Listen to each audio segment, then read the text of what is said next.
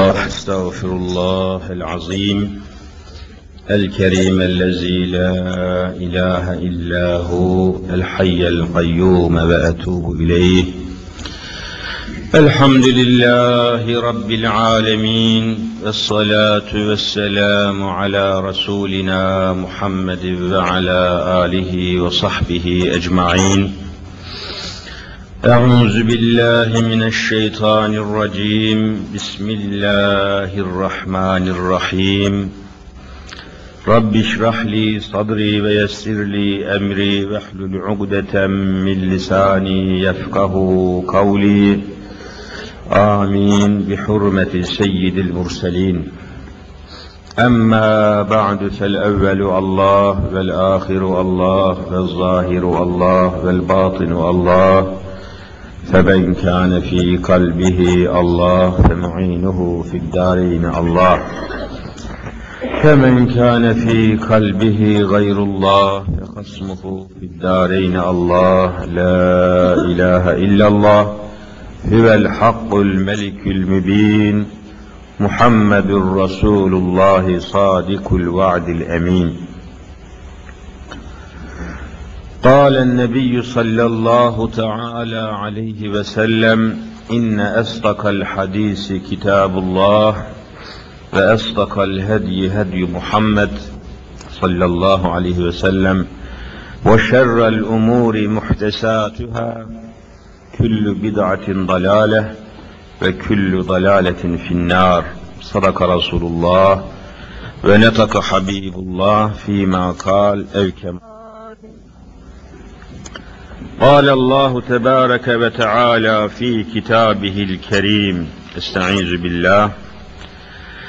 قاتلوا الذين لا يؤمنون بالله ولا باليوم الآخر ولا يحرمون ما حرم الله ورسوله ولا يدينون دين الحق. إلى آخر الآية. صدق الله العظيم. Aziz müminler, muhterem Müslümanlar, bugünkü cuma dersimizde, sohbetimizde yine günümüzün meselelerini günün tabiriyle güncel konuların dışına çıkmamız, güncel konuların dışında kalmamız mümkün olmuyor. İstesek de istemesek de günümüzün, zamanımızın, cemiyetimizin, milletimizin, memleketimizin bütünüyle alemi İslam'ın insanlık camiasının başında mevcud olan belalar, musibetler, afetler, felaketler,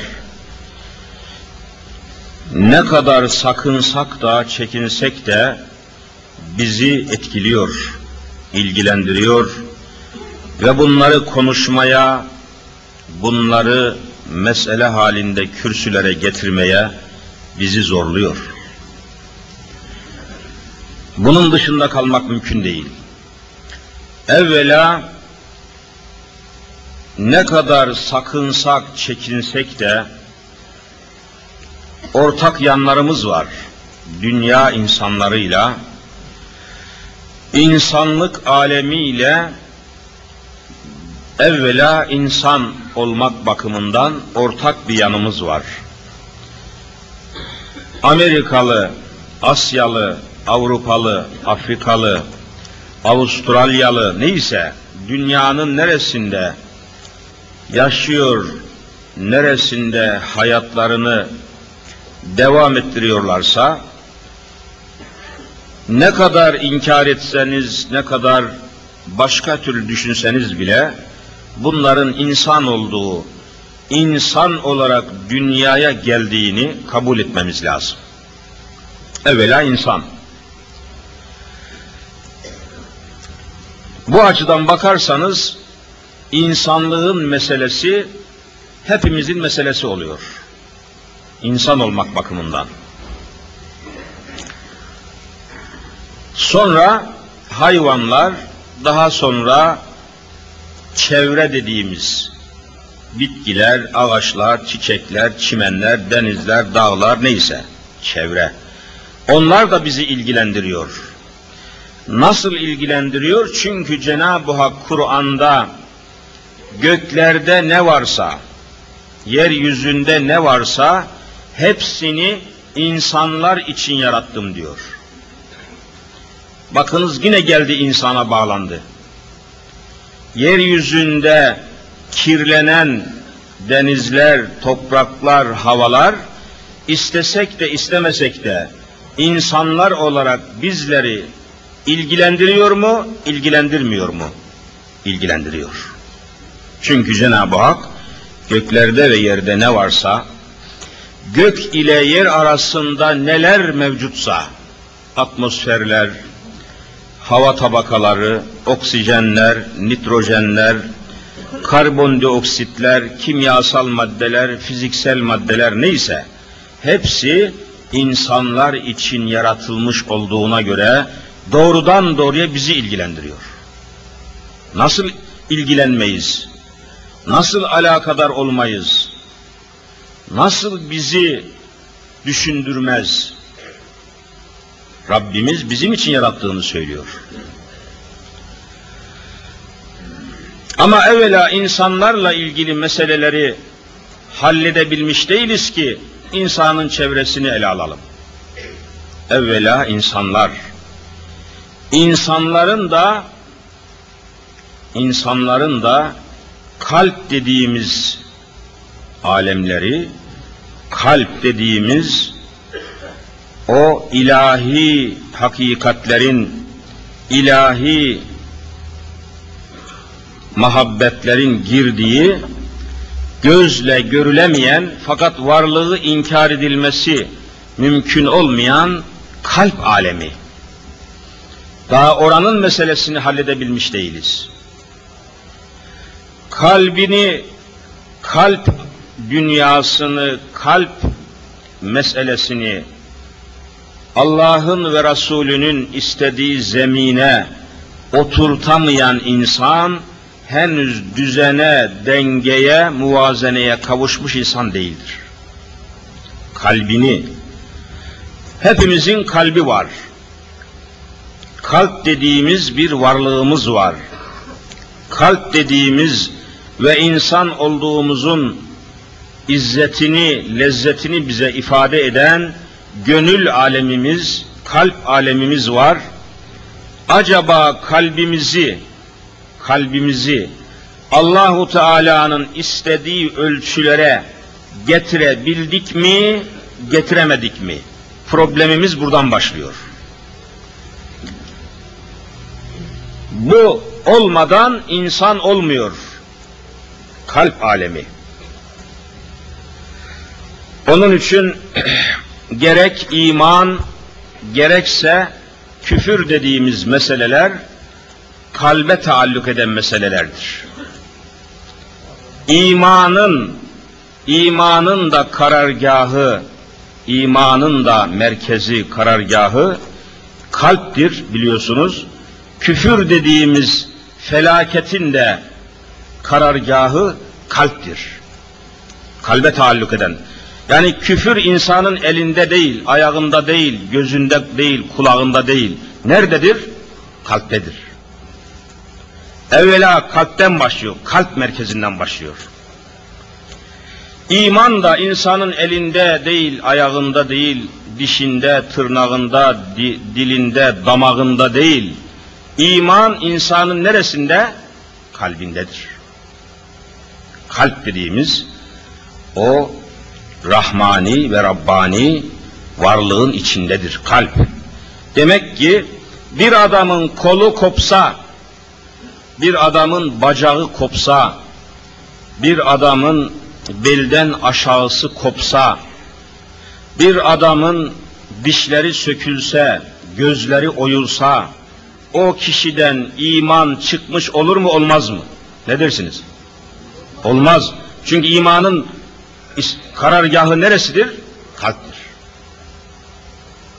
Eğer iman insanın elinde olsaydı, elleri kesildi, bir imansız kalırdı. Demek ki kalp. Kalp meselesi halledilmeden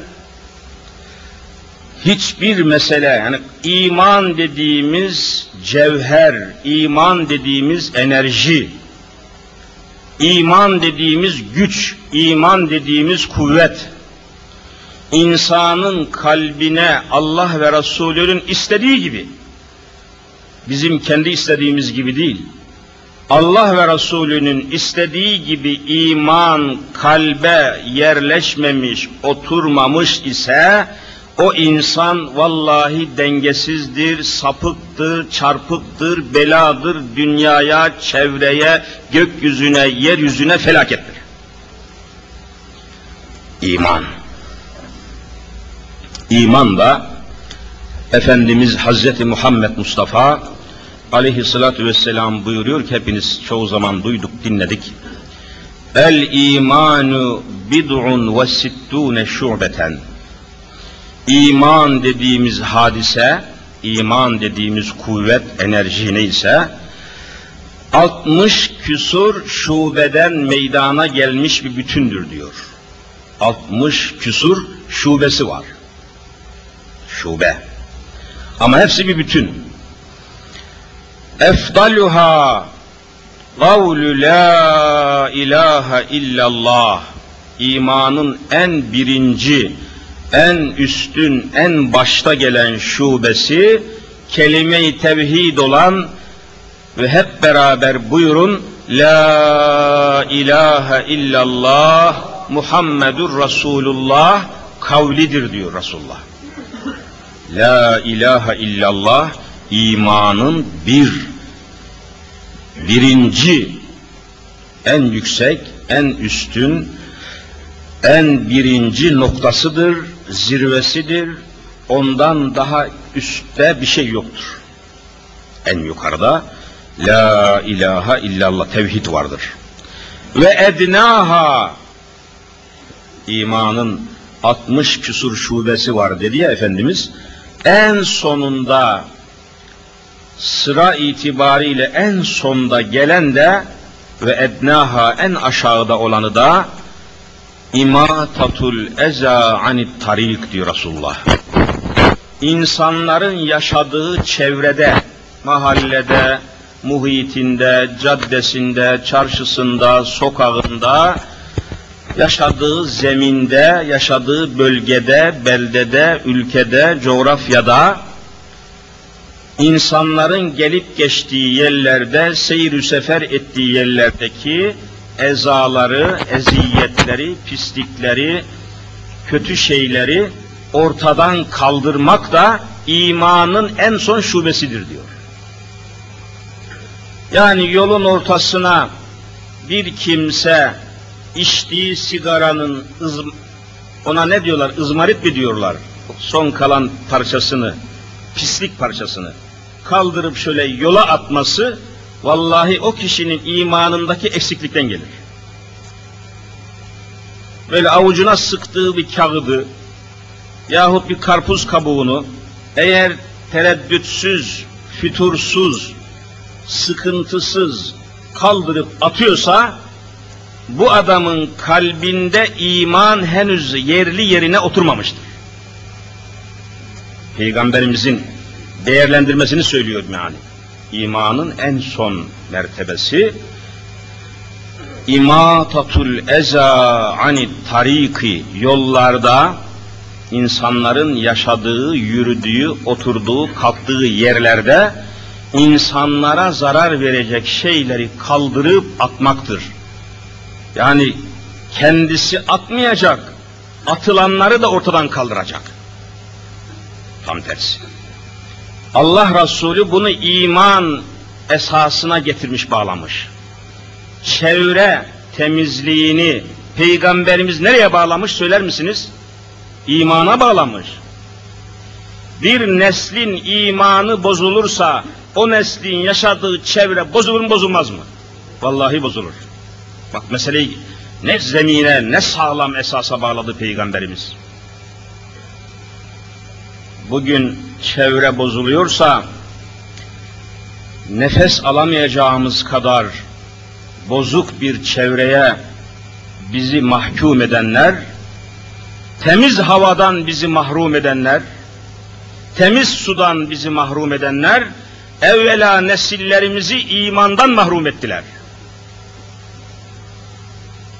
Evvela imandan mahrum ettiler. O imandan mahrum olan neslimiz, çevrede de temiz havayı bize, temiz suyu, temiz şeyleri bize mahrum ettiler. Bakın Allah'ın Resulü nereyle irtibatlandırıyor meseleyi? Nereyle bağlantı kurarak meseleyi arz ediyor? Bütün bunlar çok geniş mesele, oraya girmeyeceğim. Şimdi her akşam daha ziyade akşamları yoğunlaşıyor. Haber bültenlerini dinliyorsunuz. Türkiye Cumhuriyeti devletinde gerek TRT, TRT, Türkiye Radyo Televizyon kurumunun kanallarından, gerekse sair özel televizyon kanallarından haberleri dinliyorsunuz. Allah aşkına bir insan olarak, bir Müslüman olarak tarafsız kimseye bağlanmadan, kimseye bağımlı olmadan dinliyorsunuz. Dinleyiniz. O haberlerin içerisinde hiçbir tanesi sizi memnun ve mutlu ediyor mu? Etmiyor. Korkunç. Böyle insan olarak, Müslüman olarak dinliyoruz. Aman ya Rabbi. İşte falan bakan falan bankayı 300 milyar dolandırdı. Falan teşkilat falan kişiden falan aracılığıyla şu kadar yedi, yedirdi. Yolsuzluk, usulsüzlük, hırsızlık, dolandırıcılık her akşam bunları türlü kanallardan dinliyor, işitiyor ve insan olduğumuzdan utanıyoruz. Bütün bunlar neyi gösteriyor?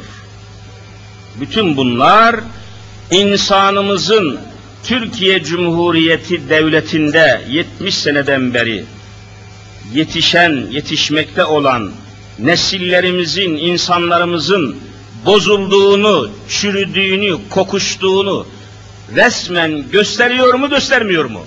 Gösteriyor. Korkunç haberlerdir bunlar. İnsan dediğimiz varlığın bozulduğunu gösteriyor. E peki bozulma nereden başlıyor demin dediğim insanın esas merkezi neresiydi? Kalp. Kalpte ne olması lazımdı? İman. Demek ki evvela iman bozuldu, sonra insan bozuldu. İnsan bo iman bozulunca insan bozuldu. İnsan bozulunca çevre bozuldu. Yani böyle birbirine bağlı.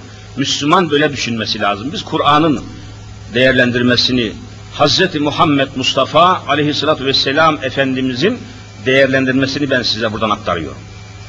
Böyle düşünmek zorunda. Önümüzde Kur'an-ı Kerim var. Biraz sonra bazı misaller arz edeceğim. Çünkü günün birinde yolda giderken bir televizyon programcısı önünüze bir mikrofon uzatabilir. Bu yolsuzluklar hakkında, bu usulsüzlükler hakkında ne düşünüyorsun vatandaş diyebilir. İşte orada Müslümanca konuşman lazım. Nereden geliyor bozukluk? Nereden geliyor kokuşmuşluk? Nereden geliyor felaket? Bunu bilmelisin ki o adamın uzattığı mikrofona bir şeyler söyleyesin. Şimdi dinliyoruz bazı böyle sokakta yürüyenlere soruyorlar. Efendim ne düşünüyorsunuz? Adam hiçbir şey söyleyemiyor. Niye? Düşünmüyor, düşünemiyor ki söylesin. Bir hayvanın önüne uzat mikrofonu yine mö mö filan bir şey söyler. Bunlar o kadar da bir şey söyleyemiyor. Ne kadar demek bilgisiz toplumuz, ne kadar ilgisiz toplumuz, ne kadar fikirsiz toplumuz, ne kadar pislik bir toplum hale gelmiştik. Bir şey söyleyemiyor. Konuşmak lazım. Konuşabilmek için de meseleyi temel esaslara dayandırmak lazım. Evet. Demek ki geliyor mesele iman dediğimiz noktada iman dediğimiz temelde düğümleniyor. Orayı sıkı tutmak lazım. Sıkı tutmak lazım. Allah'ın Resulü bu iman olayını çok ciddi ve titiz bir şekilde ele alıyor, takdim ediyor. Her şeyin bozulmasını imanın bozulmasına bağlıyor. İmanın bozulmasına bağlıyor. Nasıl ki kimya aleminde, dünya aleminde bozulmasın diye etleri tuzluyorsunuz. Eti tuzluyorsunuz bozulmasın. Kavurmayı tuzluyorsunuz. Turşuyu tuzluyorsunuz. Birçok şeyleri bozulmasın diye tuzluyorsunuz. Yani Allah tuzu yaratmış. Tuzu imdada koşturuyor. Şimdi düşünün. Her şeyin bozulmasını önleyen tuz dediğimiz madde, tuz. Bir an düşünün, tuzun kendisi bozulursa, tuz bozuldu. Geriye bir şey kalır mı? Tuz bozulursa artık o tuzun bozulmasından sonra hiçbir şey kalmaz. Hepsi bozulur. İşte iman da böyle. Çevreyi koruyan imandır. İnsanı koruyan imandır. Aileyi koruyan imandır. Devleti koruyan imandır. Beşeriyeti koruyan imandır. Tuz gibi. İman bozulursa hepsi ne olur? Tepeden tırnağa bozulur. Böyle temelden düşünmek lazım. Tuz gibi yani. Nasıl ki bir bardak şarabın, şimdi şuraya bir bardak şarap getirseler, içine bir çay kaşığının dolusu kadar tuz atarım ben o bir bardak şarabın içine. Dak, dakikası içinde o bir bardak şarap ne olur? Sirke olur. Onu içebilirsin. Bir bardak şarabın içine gidin deneyin. Çay kaşığının dolusu kadar tuzu atın, o derhal içilir hale gelir. Haram olmaktan çıkar, helal olur. Niye? O tuz öyle bir madde ki o şarabın içindeki alkol denen maddeyi öldürüyor, yapıyor sirke. İçiliyor. İman da böyledir. Hazreti Ömer radıyallahu an Efendimiz Hattaboğlu Ömer Allah Resulü'nü öldürmeye gitmiyor muydu Mekke'de? Kalbine la ilahe illallah cevheri girer girmez şarap olmaktan çıkıp peygamber yemeği olan sirke haline gelmedi mi? Bak imam da böyledir. Otomatik değişiyor yani. Çünkü çeviren Allah, eviren Allah, evreni, kainatı yürüten, akıtan, yaratan O. Her şeye bir kabiliyet vermiş, mana vermiş, hakikat vermiş. Bunlarla beraber dünyada yaşamak zorundayız. Bunları bilmek zorundayız. Onun için İslam alimlerimiz çevreyi çok muazzam incelemişler. Mesela Gazali diyor ki, yeryüzünde hepimizin bildiği gibi akarsular var. Nehirler var, çaylar var, dereler var, akarsular var, ırmaklar var.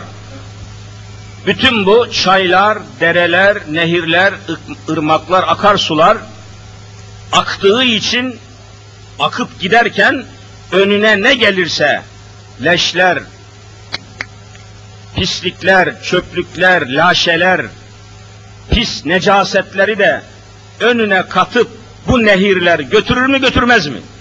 Götürür. Nereye kadar götürürler? Denizlere kadar. Nehirler malumunuz gelip denizde duruyorlar. Deryaya ulaşıyorlar. Bu akarsuların önüne katıp götürdüğü veya getirdiği leşler, pislikler, çöplükler gelip denize ulaşıyor. Denize ulaştığı gibi kalsaydı, bu korkunç pislik kokan, leş kokan, türlü hastalıklar taşıyan, hastalıklara kaynaklık eden bu pislikler denizde aynen kalsaydı yeryüzünde sağlık namına bir şey kalmazdı diyor Gazali. Allahu Teala tedbir olarak ne yapmış? O çöpleri, leşleri, pislikleri getiren nehirlerin bütün denize doldurarak denizi de özel olarak tuzlamış diyor. Deniz sularının tuzlu olma sebebi budur diyor. Kokmasın. Hastalık yapmasın. Bak bütün sular tuzsuz geliyor denize, deniz tuzlanıyor. Kendi kendine mi oluyor zannediyorsunuz? Çevreyi Rabbimiz insanın hayatına göre ayarlamış. Denizin tuzlu olmasının sebebi nehirlerin, çayların, derelerin, akarsuların getirdiği bütün pislikleri tuzluyor, kokusunu, çürümesini ve hastalık yaymasını önlüyor. Hatta Bediüzzaman Said-i Nursi Hazretleri tabiatı çok incelemiş bir insan. Çevreyi çok incelemiş bir insan. Bir arının bir çiçek üzerindeki bal bal dediğimiz maddenin ham maddesi nedir biliyorsunuz? Çiçeğin tozlarıdır. Polen tozları diyorlar. O çiçeğin ortasındaki tozları topluyor. Bir bal arısının bir çiçeğin ortasındaki o çiçek tozlarını toplaması ile ilgili meseleyi 40 sayfa yazmış kitapta. Hikmetlerini, ibretlerini, manalarını, maksatlarını, çevreyi araştırmış. Hale bakın. E şimdi diyor ki yeryüzünde vahşi hayvanlar var. Vahşi hayvanlar var. Bunlar parçalıyor mahlukatı. Aslanlar, kaplanlar, şunlar bunlar. Ve bunlar bildiğiniz gibi leş yiyorlar. Kokmuş etleri bunlar yiyor. Kurt düşmüş etleri bu hayvanları yiyor, onlara bir şey olmuyor. Kokmuş bir eti insanlardan birisi yesin, hemen hastaneye kaldırırsınız. Ama o vahşi hayvanları yiyor, bir şey olmuyor. Vahşi hayvanlar. Yani leş yiyen, parçalayıcı hayvanlar, ne kadar kokarsa koksun bir eti yiyor, kokuşmuş etleri, kurtlanmış etleri, pislenmiş etleri yiyor, onlara bir şey olmuyor. E Allah niye bunları yarattı? Bu vahşi, bu parçalayıcı, bu leş yiyen, pislik yiyen hayvanların yaratılışının sebebi insanlar içindir diyor Bediüzzaman. Niye? Eğer ölen hayvanların ölüleri, leşleri, laşeleri, pislikleri olduğu gibi tabiatta, etrafta olduğu gibi kalsaydı, onun kokusundan çevrede insan yaşayamazdı. Allah o vahşi hayvanları gönderiyor, temizlik işçisi gibi leşleri temizletiyor diyor. Canavarları bile Allah bizim için yaratmış. Çevre ne demek? Leş yiyen hayvanlar insanlar için temizlik işçisidir diyor. Yiyecekler, temizleyecekler etrafı. Ya bir Müslüman çevresine nasıl bakmalıdır? Ne şekilde? İşte bakın Kur'an-ı Kerim açıklıyor bunlar.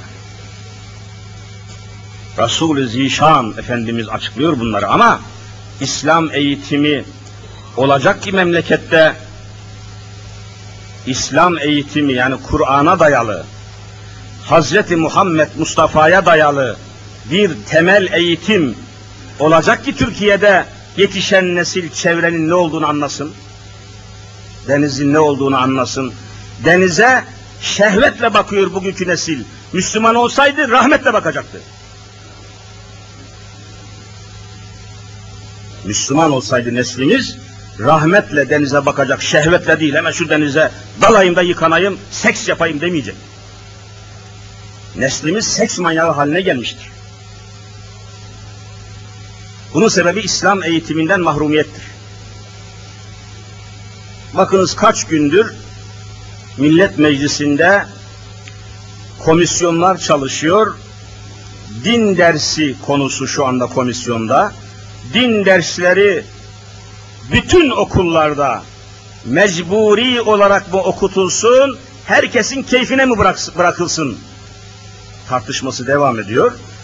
Zannediyorum herkesin keyfine bıraksın. Kararı galip gelecek. Yakında. Bunlar Türk milleti adına orada hareket ettiklerini söylüyorlar. Hangi Türk milleti bilemiyorum. Din eğitimi almamış insan insan olamaz ki. Çevreye merhametle bakamaz ki, çevreyi temiz tutamaz ki mümkün değil. Ne söylersen söyle. O şehvetle bakıyor, nefretle bakıyor ve hasetle bakıyor ve sömürmek için bakıyor. İnsanın bakışıyla hayvanın bakışı ayrıdır. Mevlana ne diyor? Her zaman söylerdik. Yeri gelmişken bir daha söyleyeyim. Bir insanın önüne diyor bir karpuz koyduğunuz zaman hemen şehvete gelip de onu yemek istemez. Evvela tefekkür eder. Ya şu ne güzel bir şey. Şu dışındaki kabuğa bak. Allahu Teala bunu ne güzel yaratmış der. Dışında yemyeşil bir kabuk. Sert bir kabuk, sert ama mutlaka sert. Sert. İçini açıyorsun, içi tam aksine yumuşak. Sert bir kabuğun içinde yumuşak bir madde. Şu tanzimata bakın ya. Düzenlemeye bak. Dışındaki kabuğu yemek mümkün değil, içindeki özü, karpuzun içini dişlisi de dişsiz de rahat yiyebilir. Bu da kafi değil, onun şekeri katılmış diyor, şeker. Suyu, şerbeti de katılmış. Bu da kafi değil, bir de güzel bir renk verilmiş. İnsan hoşuna gitsin, insan iyice ona yaklaşsın, nefret etmesin, onu rahat, severek, isteyerek yesin diye o karpuzun içine hamurunu pişirmiş, şerbetini ayarlamış, şekerini katmış, rengini, boyasını vermiş. Dışına da bir zırh geçirmiş ki böcekler delip içine girmesin, mikrop girmesin. İnsan önüne karpuzu aldığı zaman böyle düşünmeden yiyemez diyor. Düşünecek evvela bu ne muhteşem bir şey. Bu ne muazzam ilahi bir düzen. Bu ne güzel Cenab-ı Hak bunu yaratmış diye düşüne düşüne bıçağı alacak eline Bismillahirrahmanirrahim diye kesecek. Ya Rabbi sen olmasan, senin Rahman sıfatın olmasaydı bu kupkuru sapın üzerinde böyle bir içi suyla, şerbetle dolu harika meydana gelmezdi. Diyerek, düşünerek yiyecek. İnsanın haysiyeti budur. Bakın çevreye, karpuz da bir çevredir. O karpuza bakış açısına bakın Müslümanın. Ama aynı karpuzu diyor bir öküzün önüne koyun, hemen dişini saplayıp onu yiyecektir. Öküz o çünkü. Tefekkürü yok. Teşekkürü yok. Tezekkürü yok. İşte karpuzu önüne alıp da o harika kombinasyonu, o harika organizasyonu, o harika sistemi düşünmeden hemen besmelesiz o karpuzu yemeye başlayan adamın vallahi öküzden farkı yoktur diyor Mevlana. Öküzdür o. Düşünmedi. O nasıl meydana geldiğini tefekkür etmedi. İnne fi halqis semavati vel ard ve ihtilafil leyli ven nehar le ayatin li ulil elbab akıl sahiplerine bu sistemde muazzam alametler var diyor Rabbimiz. Bunu insan düşünecek, hayvan düşünemez. Akıl olmadığı için düşünemez. Ama insanda akıl cevheri var, bir de iman gelirse kalbine beraber akılla iman beraber hareket ederse o insan en üstün insandır. Akılla iman. O insanda iman ile aklı perdeleyecek bir şey olmaz. Haset, kin, nefret, şehvet olmayacak. Ruh terbiye görmüştür, imanın emrindedir.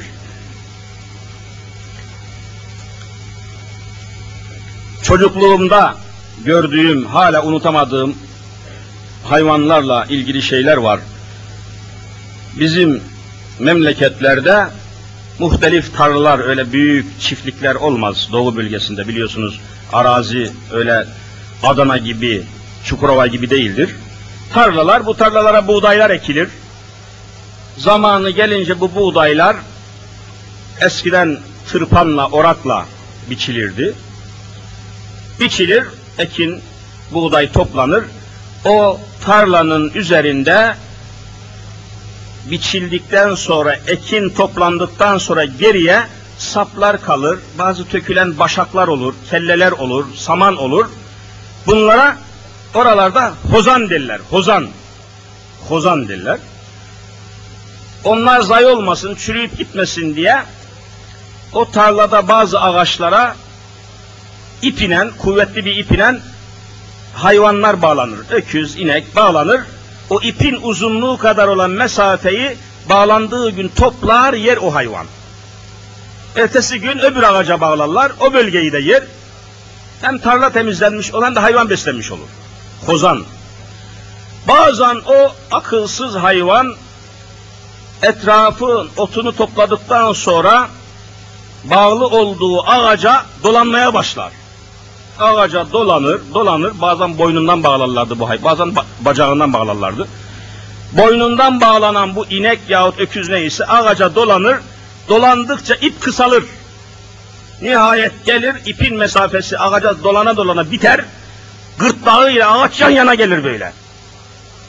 Direnir sökülmek için sökülemez ve giderdi ki çok inek ölmüş, boğulmuş orada. Akıl olmadığı için tedbir bilmiyor. Akıl olsa ne yapması lazımdı? Geriye dönmesi lazımdı. Geriye sökülmesi lazımdı. Geriye dönüp geriye sökülseydi ip açılacak, o da rahat nefes alacaktı. Gidersin ki ölmüş hayvan. Bugün bazı insanlar da böyle, bazı bataklara, bazı sapıklara, bazı sapıklıklara bağlanmış, dolana dolana mesafe bitmiş, boğuluyor, geriye dönmek aklına gelmiyor. Ya dön be, dön geriye temiz, hava al, nefes al. Bu yol çıkmaz yolsa dönmek zorundasın. Akıl bunu emreder, kalp bunu emreder, iman bunu emreder. Dönün. Bakın Rabbimiz ne diyor? Tubu ilallah. Allah'a tevbe edin. Ne demek? Allah'a dönün. Uzaklaşmışsınız Allah'tan. Bakın yani şu yolsuzlukların, usulsüzlüklerin, devlet hazinesini böyle bakanlara, başkanlara, sendikalara, bazı gruplara peşkeş çekmenin, sömürmenin, soymanın temelinde Allah'tan uzaklaşmak var mı yok mu? O zaman dönün, Allah'a dönün. Yok, öküz gibi olacağız diyorlar. Hadi boğul bakayım. Dön ya, geriye dön. İrci'i ila rabbiki. Rabbine dön. Dönmüyor. Koskoca bir millet mahvoluyor. Efendiler, vallahi bütün mukaddes değerlerimiz mahvedilmiştir. Şu kürsüden samimiyetle söylüyorum, ne kadar mukaddes değerlerimiz, ne kadar mübarek, kutsal, manevi varlıklarımız, ahlaki değerlerimiz, İslami değerlerimiz varsa hepsi çatır çatır çöküyor. Açıkça ifade ediyor. Lisanımızı, insanımızı, ahlakımızı, imanımızı, tefekkür tarzımızı, kültürümüzü, medeniyetimizi hepsini boza boza boza korkunç bir uçuruma getirdiler. İşte evvelsi gün hepiniz görmüş okumuşsunuzdur. Vallahi Ankara'da Gazi Çiftliği Lisesi diye bir lise var. Gazi Çiftliği Lisesi. O lisede dördüncü sınıfta bir kız çocuğu sınıfın ortasında doğum yaptı. Takip etmişsinizdir. Sınıfın ortasında doğum yapıyor ve hemen hastaneye kaldırılıyor. Nereden aldın bu çocuğu diye çok affedersiniz soruyorlar. Aynı sınıfta dört erkek arkadaşımla cinsel ilişkide bulundum. Bunda ne var ki? Cinsel özgürlüktür bu diyor. Bütün değerlerimizi tahrip ettiler. Bütün mukaddes değerlerimizi, hayayı, iffeti, dini, imanı yok etmeye çalışıyorlar. Neslimiz mahvoluyor. Okul müdürüne gazeteci soruyor ya bu kız çocuğu 9 ay hamile olarak okula gelmiş gitmiş anlamadın mı? Hiç ilgilenmedim diyor. Okul müdürü bu. İşte mesela bu işte. Bütün mukaddes değerlerimizi tahrip ettiler. Manevi kaynaklar